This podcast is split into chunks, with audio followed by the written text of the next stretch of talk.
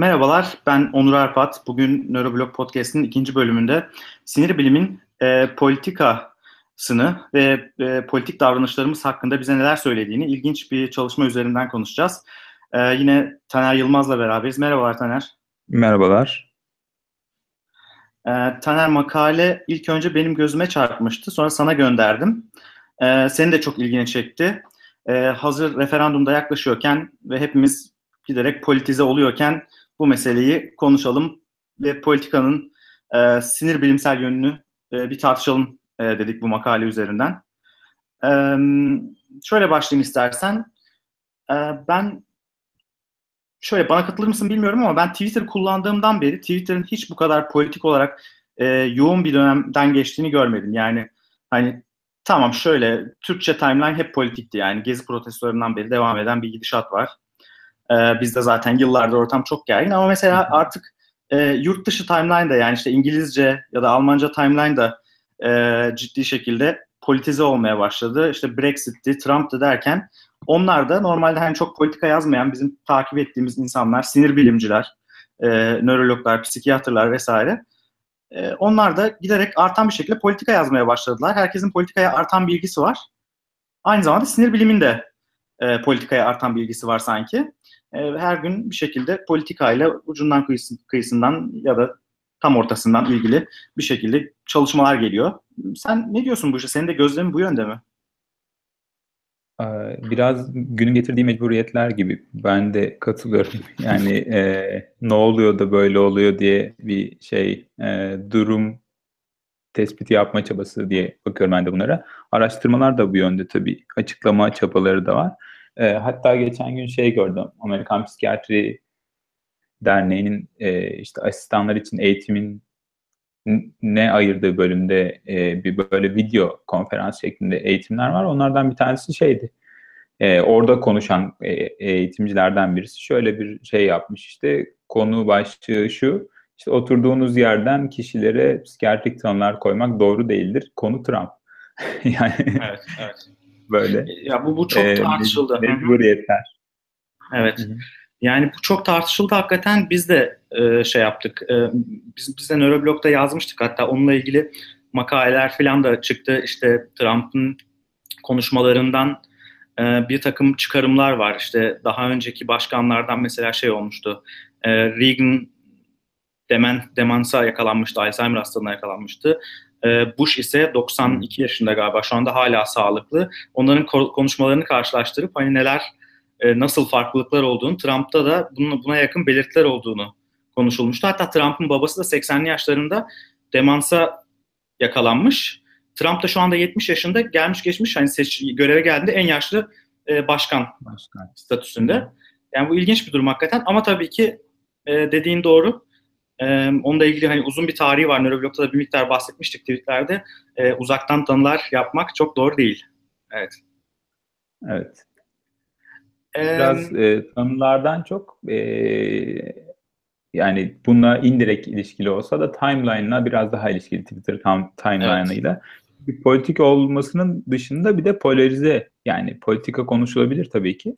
Ama e, hiç kimsenin birbirini duymadığı de, böyle klişe bir laf var televizyonlarda biraz şey tartışmalarda bazen dönüyor.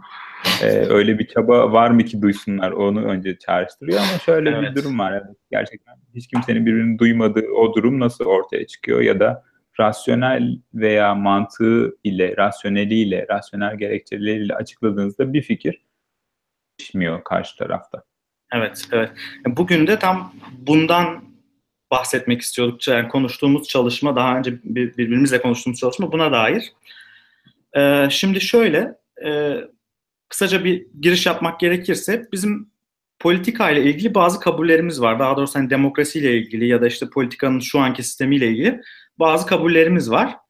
Ee, kabul ettiğimiz şeylerden bir tanesi yani hani her şeyden önce e, artık e, tek kişinin yönetimleri değil demokratik yönetimler var. Herkes düşüncelerini söylüyor vesaire ve şuna inanıyoruz ki insanlar birincisi e, akılla mantıkla karar veren bir canlı insan.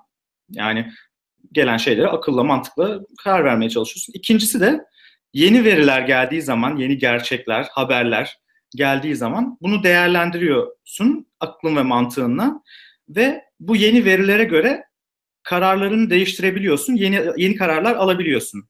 Yani bunlar yani çok hani temelde iki şey insanla insana dair doğru kabul ettiğimiz gerçekler aşağı yukarı. Yani örneğin bir konuda sizden farklı düşündüğünü bildiğiniz bir insana konuyla ilgili bildiğiniz gerçekleri anlattığınızda gerçeği kabul edip düşüncesini değiştirmesini bekliyorsunuz. Bu şekilde hani yavaş yavaş doğruya ulaşmayı bekliyoruz. İşte gerçekler kazanacak, işte demokrasi vesaire yaşayacak, büyüyecek. Ama bu sanki her zaman böyle olmuyor. Bu neden bu şekilde olmuyor? Ee, buna dair konuşacağız herhalde biraz bugün.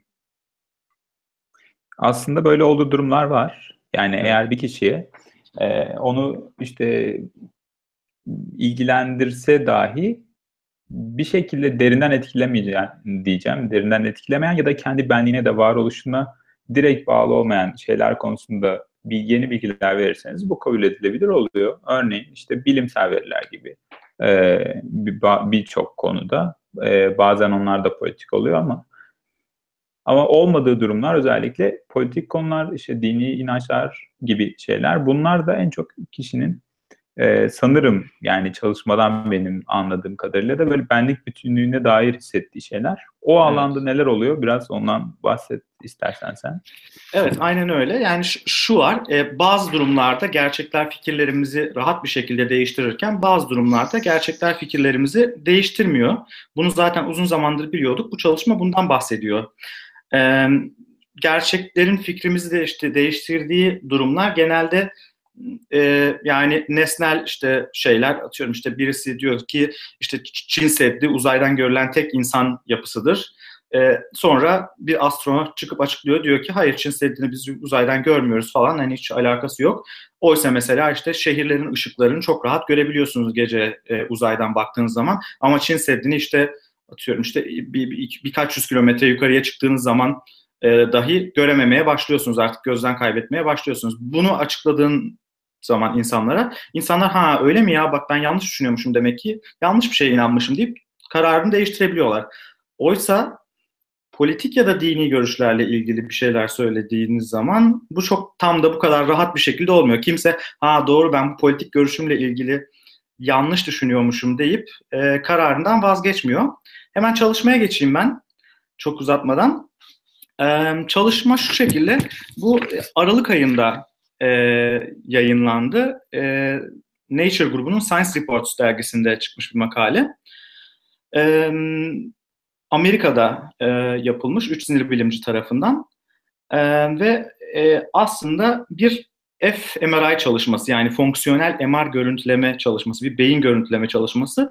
Yanında da ama anket benzeri bir başka çalışmayla e, bunu e, şey yapmışlar, e, birbirleriyle e, karmışlar ve böyle ilginç bir çalışma yapmışlar. Aslında belki fMRI'yi önce çok fonksiyonel MR nedir ondan bahsetmek gerekir. Belki onu biraz bize açıklarsan Taner e, o şekilde daha iyi devam edebiliriz bunu bilmeyenler açısından. Tabii yani bir yandan şey diye düşünüyordum ben de böyle e, şeyleri kavramları podcast serilerinde parça parça açıklarsak biraz sözlüğümüzde olmuş gibi olur.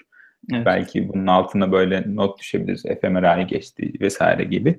E, fMRI için şöyle, e, şimdi fonksiyonel MR adından da anlaşılacağı üzere bir MR ve de bir içinde fonksiyon kısmı var. Fonksiyon kısmı şuradan geliyor. Normalde görüntüleme yöntemleri statik. Yani beyniniz nasıl MR yani klasik konvansiyonel MR onu gösteriyor. İşte e, damarları, işte e, şeyleri, e, gri maddeyi, ak maddeyi birbirinden ayırt edebiliyorsunuz vesaire. Kafatasınızı görüyorsunuz o kadar. Bu yapıyı gösteren bir şey. Fonksiyonel MR beyninizin hangi bölgesinin o anda aktive olduğunu da ayırt edebiliyor. Örneğin size bir görev veriyorlar, bir test. O testi yaparken e, işte mesela matematik problemi çözün ya da şu görüntüye bakın diye. İşte korkutucu bir görüntüye yüze baktığınızda amigdalanız aktive oluyor. Bunu nasıl anlıyor MR? Amigdalaya kan akışı artıyor ve fMRI'de, fonksiyonel MR'da biz kan akışının artışını takip edebiliyoruz. Bu şekilde beynin hangi bölgeleri bir görev, ödev sırasında aktive oluyor, hangileri daha az aktivasyon gösteriyor ya da deaktive oluyor onları birbirinden öğretmek mümkün oluyor. Evet yani illa insanları korkutmaya da gerek yok. Korkutursan amigdala daha fazla aktive oluyor diğer bölgelere göre. Ama mesela eline bir kağıt kalem verip hadi şunu bir biraz bir, birkaç adını soyadını yaz bakalım dediğiniz zaman da işte e, oradaki elin motorik hareketlerini işte ince motor hareketlerini vesaire yapan e, kaslara emirler gönderen motorik bölüm e, beyinde e, aktive oluyor. İşte sağ elinizle yazıyorsanız sağlaksanız sol tarafınızdaki e, beynin sol yarısındaki o kısım aktive oluyor filan ve bunu da bu şekilde hani kan akışının artmasından fMRI'da o an ne yapıyorsanız e, nerede kan akışı artıyorsa beynin o bölgesinin daha fazla oranda çalıştığını e, anlıyoruz. Ma- makalede bunun üzerinden gidiyor esasında. Bu çok kıymetli ve yeni bir yöntem. Yeni derken herhalde bir 10 seneyi geçti şu anda tarihi ama yine de bizim için çok kıymetli bir yöntem yani özellikle e, bu son dönemlerdeki çalışmalarla birlikte. Şimdi e, deneyi anlatayım ben kısaca. Yaptıkları şey şu, e, insanların politik ve politik olmayan düşüncelere yani az önce bahsettiğimiz şey işte Çin Seddi'nin uzaydan görülmesi politik olmayan bir düşünce. E, bir başka şey mesela örneğin ne denir? E, kürtaj mesela politik bir meseledir. E, bunlara karşı bakışlarının farklı olup olmadıklarını görmeye çalışıyorlar. 40 e, tane yetişkin birey alıyorlar. Bunlar Amerika'da çok güçlü demokrat hani şeylere sahip yani çok e, kendilerini e, iyi demokratlar olarak tanımlayan insanlar ve bunlara öncelikle bir anket veriyorlar. İşte daha doğrusu şöyle 8 tane soru veriyorlar politik olmayan meselelerle ilgili. İşte bir tanesi örneğin işte e, ampulü Edison bulmuştur. Yani bu doğru mu? Doğru yani çoğu için, çoğu herkes için doğrudur yani bu aşağı yukarı. Sizce bunun doğruluğu ne kadar falan diye soruyorlar 10 üzerinden. İşte adamlar diyor ki 9 veya 10 vesaire. Ee, bir yandan da 8 tane bu şekilde verirken 8 tane de politik mesele veriyorlar. Ee, diyorlar ki mesela işte kürtaj bir kadının e, hiçbir koşula bağlı olmaksızın elindeki bir haktır e, düşüncesi örneğin. Ve bu işte liberal demokratlar hani sonuçta bunları da oyluyorlar. Bunlara da tabii liberal oldukları için ve yoğun bir şey e, çok e, aşırı demeyeyim ama yani hani e, çok e, ciddi bir şekilde liberal oldukları için yani çok böyle böyle e, tabiri caizse en önde bayrak sallayan oldukları için onlar da mesela işte kürtajla ilgili soru, sorulara da evet kesinlikle doğrudur 10 üzerinden 10 e, gibi bir e, yanıt veriyorlar.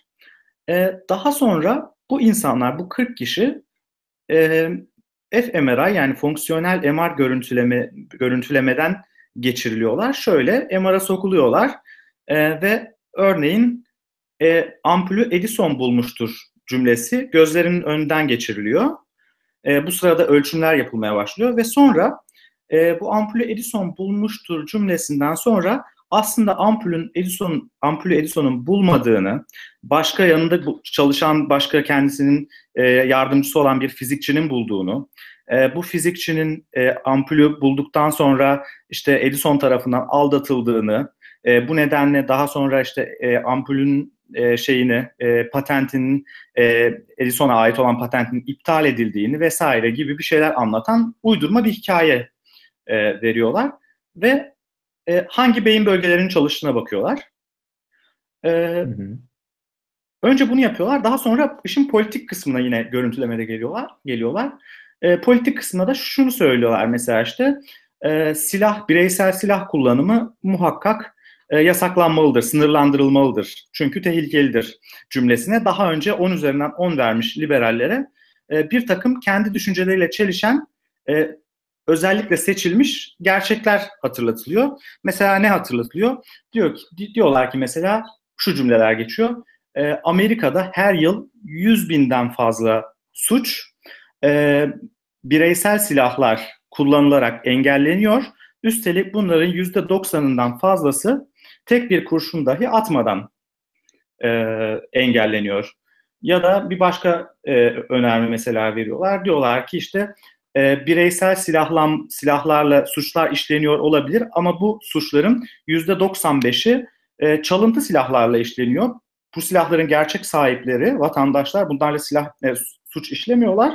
Çal, çalanlar, bazı kötü adamlar var. Bu kötü adamlar bu suçları işliyorlar gibi e, örnekler veriyorlar ve daha sonra bunların hangi e, beyin merkezlerini, beyinde hangi merkezleri daha fazla aktive ettiğini ve aralarında bir fark olup olmadığına bakıyorlar. Ve ne buluyorlar? Tamam, Taner?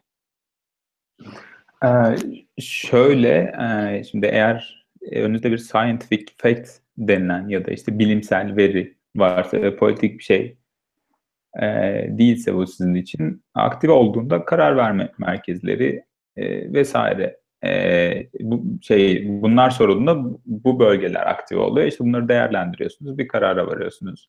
E, evet. Politik görüşlere ilişkin şeyler verildiğinde bambaşka bölgeler aktif oluyor ve bunlar aslında daha duygusal alanlar. Bu da şu demek, yani beyinde şuralara denk geliyor. İşte politik meseleler söz konusu olduğunda bir anda sizin insulanız ve amigdalanız yani duygularla meşgul olan beyin bölgeleriniz aktif olmaya başlıyor. Karar verme merkezlerinizde de farklı aktivasyonlar oluyor. Eğer siz bir e, verilen politik görüşe karşı direnç gösteri, politik görüşte değişikliği getirecek olan bilgiye karşı direnç gösterecekseniz o zaman dorsomedial prefrontal korteksiniz aktif olurken orbitofrontal korteksiniz deaktif oluyor. Bu da şunu evet. gösteriyor. Bu iki merkez arasındaki fark da şu. Birisi bu e, kimliğin ve benliğin e, inşasından ve ondan e, sorumluyken bir insanın benlikle ilgili algısını yaratırken ötekisi karar verme merkezi. Yani sizden mantıklı ve rasyonel bir karar vermenizi istiyorlar ama karar verme merkeziniz bir anda aktivasyonunu daha da azaltıyor. Yani aslında mantık yürüterek bir karara varmıyorsunuz, direnç göstereceksiniz. Kararınızı etkileyen en çok e, en etkili olan ve en çok aktive olan bölge ise sizin benliğinize dair. Yani bana şunu çağrıştırdı bu. Sanki politik bir konuda sizin argümanınızla çelişen bir şeyle karşılaşınca bu nedir, nasıl bir veridir, doğru mudur, yanlış mıdır? diye değerlendirmek yerine bu veri benim kimliğime göre, baktığım açıya göre nasıl bir veridir? e, gibi bir değerlendirme yapmanızı sebep oluyor. Yani benliğinizi sorgulatan ve benliğiniz ya da işte kimliğiniz, kimliğinizin evet. gerektirdiği yerden bakınca o verinin nasıl göründüğünü e, anlamaya çalışmak gibi bir şey bu. Aynen öyle. Yani özetle eğer yani ilk politik olmayan önermeler yani normal bilgiler işte Edison meselesinde e, herkesin herkesin orbitofrontal korteksi yani işte gözümüzün hemen arka tarafında bulunan ve mantıklı e, kararlar vermemizi işte e, düşüncelerin mantık süzgecinden geçirmemizde falan çok önemli rol oynayan orbitofrontal korteks etkinleşirken politik meseleler geldiği zaman bir anda tamam or- orbitofrontal korteks yani mantıklı düşünme de aktive oluyor bir miktar ama sadece orbitofrontal korteks aktive olmuyor.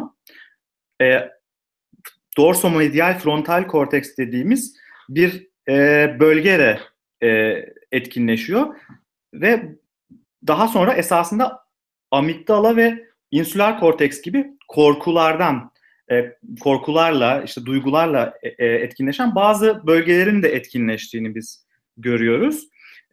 Bu da şu demek oluyor. Yani bu bazı yani bu konuda sadece akıl, aklımızla, mantığımızla düşünemiyoruz. Tam tersi duygularımız esasında aklımıza egemen, egemen oluyor. Hatta korkularımız aklımıza egemen oluyor ve benliğimize karşı yapılmış bir saldırı gibi hissediyoruz. Kendi siyasi görüşlerimize karşı çıkan bir takım e, şeyler söylenmesini, önermeler yüzümüze karşı söylenmesini. Hatta burada şunu da yorumlamışlar zaten. Şunu biz de söyleyebiliriz sanırım e, makaleye göre. Veriler şunu da gösteriyor sizin amigdalanız, insulanız dediğimiz yerler aslında karar vermeden çok duygularla meşgul olan kısımlar aktive olunca rahatsızlık yaratan, sizde o huzursuz duyguları uyandıran bir şeyle yüz yüze kaldığınızı gösteriyor.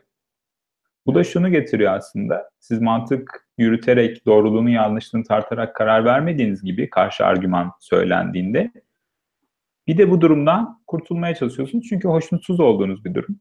Bu da kutuplaşmayı ve aslında size karşı argüman söylendiğinde mevcut görüşünüze daha da sarılmayı çünkü sizde huzursuzluk yaratan sizin inandığınıza ters olan şeylerin söylenmesi. Yani siz kendi hayatınız içinde ya da günlük işte inançlarınızda mutluyken birisi gelip tam tersini söyleyip huzurunuzu kaçırmış gibi evet. bir tabloyla karşı karşıya oluyoruz ve bu da insanların aslında karşı yönde e, inandıklarının tersi yönde bir argümanla karşı karşıya kalınca kendi görüşlerine daha da fazla sarılmalarını da açıklayan bir mekanizma olabilir. Evet aynen öyle. Buna da zaten e, İngilizcesi backfire effect e, geri tepme etkisi deniyor.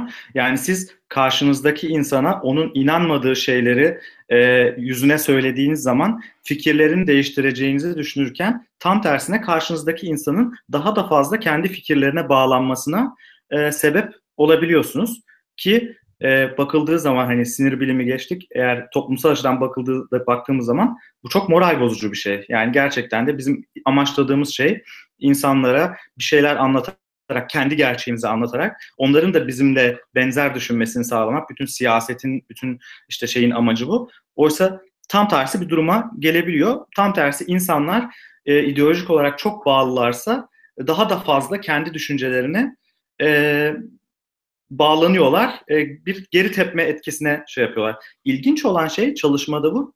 Bir insan politik olarak ne kadar bağnazsa, bağnaz derken burada yani hani ilk baştaki şeylerini söylüyorum. Ha işte atıyorum mesela e, bence işte oradaki e, şeylerden bir tanesi e, kürtaj hakkı her koduna koşul, e, koşulsuz şartsız verilmelidir. 10 üzerinden 10 diyenlerle 8 diyenler arasında mesela onlar da kürtaj hakkını savunuyorlar.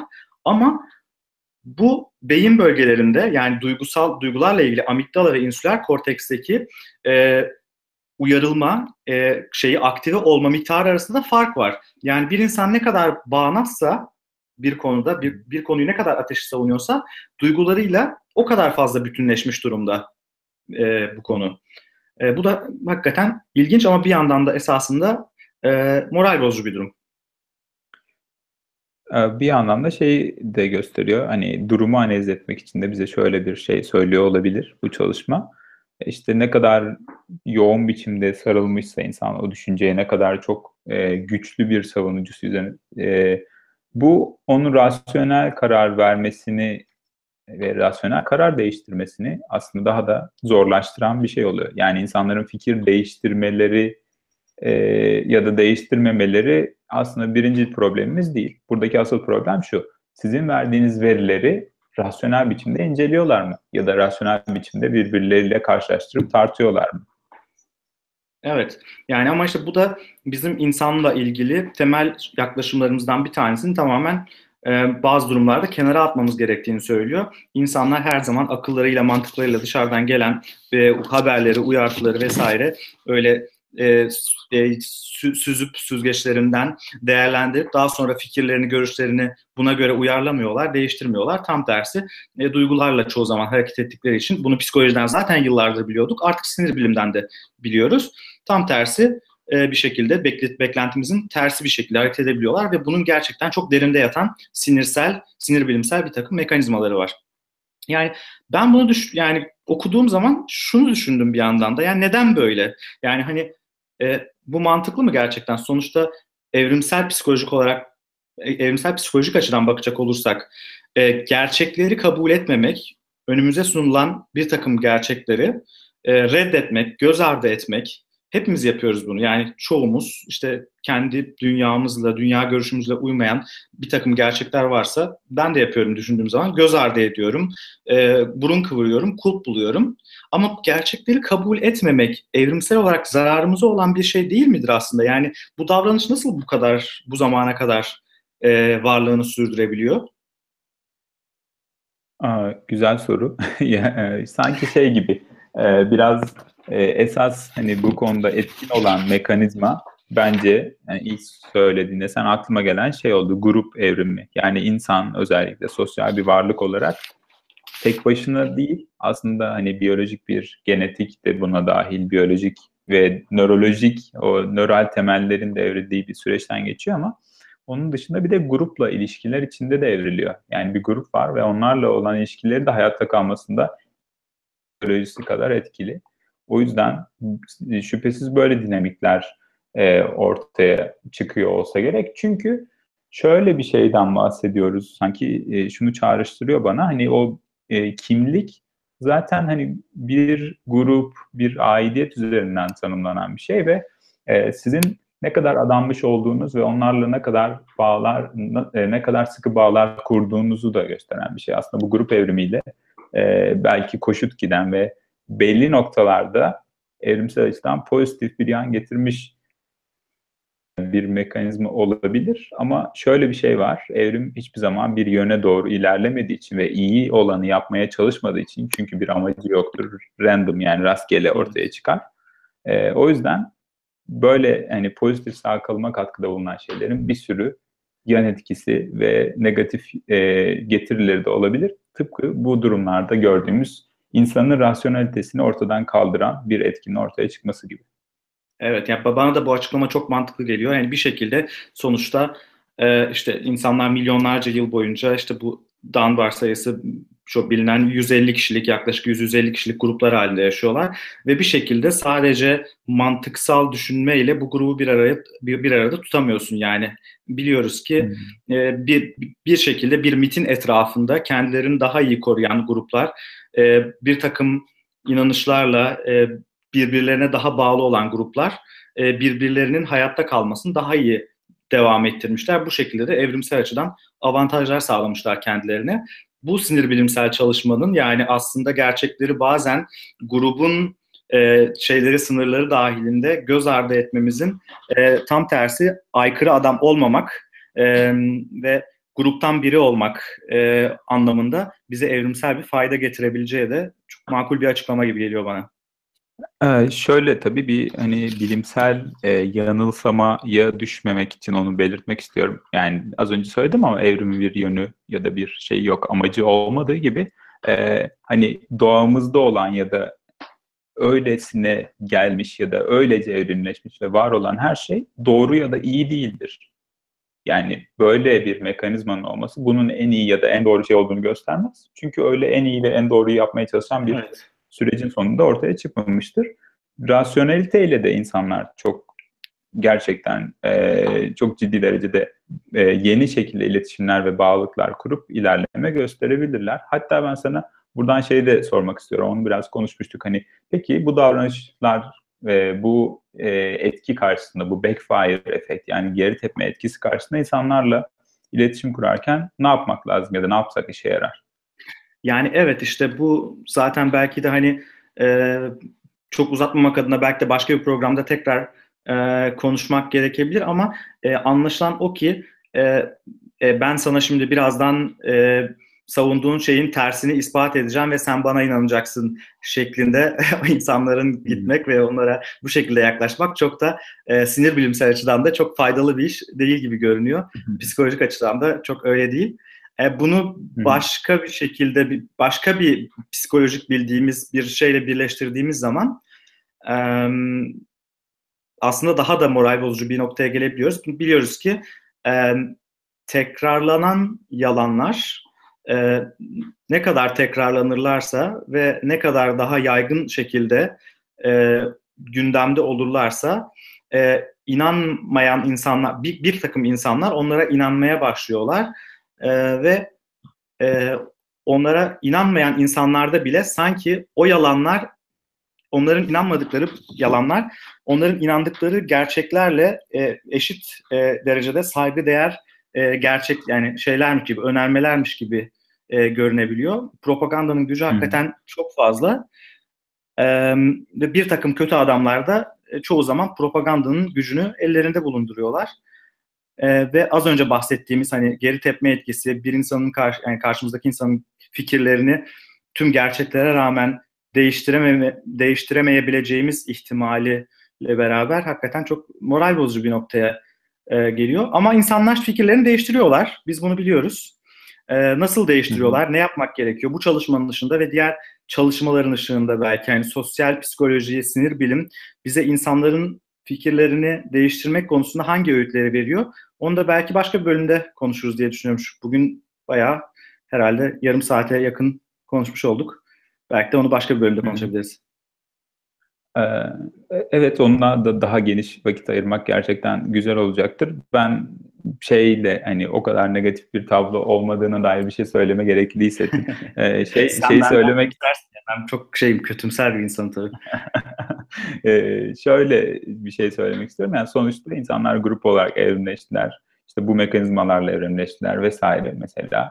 İşte bunlar random, rastgele oldu. İşte ama bir sürü şey yaptık. Yani insanlık olarak medeniyeti vesaire. Şu anda bakarsak hani bir sürü o kadar şiddetten şeyi biliyoruz. Yani olan biten bütün savaşlara vesaire rağmen insanlar bütün e, negatif yanlarına rağmen daha iyi bir konuma doğru gittiler. Yani şu anda mevcut yeryüzündeki bütün çatışmalı durumlara rağmen hala daha iyisini yapmaya yönelten bir tarafımız var. Yani aslında birlikte iyiye doğru bir evrimleşme bilincin evrimleşmesiyle e, birlikte meydana gelebiliyor ve insanlara aslında şöyle bir ufacık bir şey de söylemek istiyorum. Taktik verme adına gibi tamam.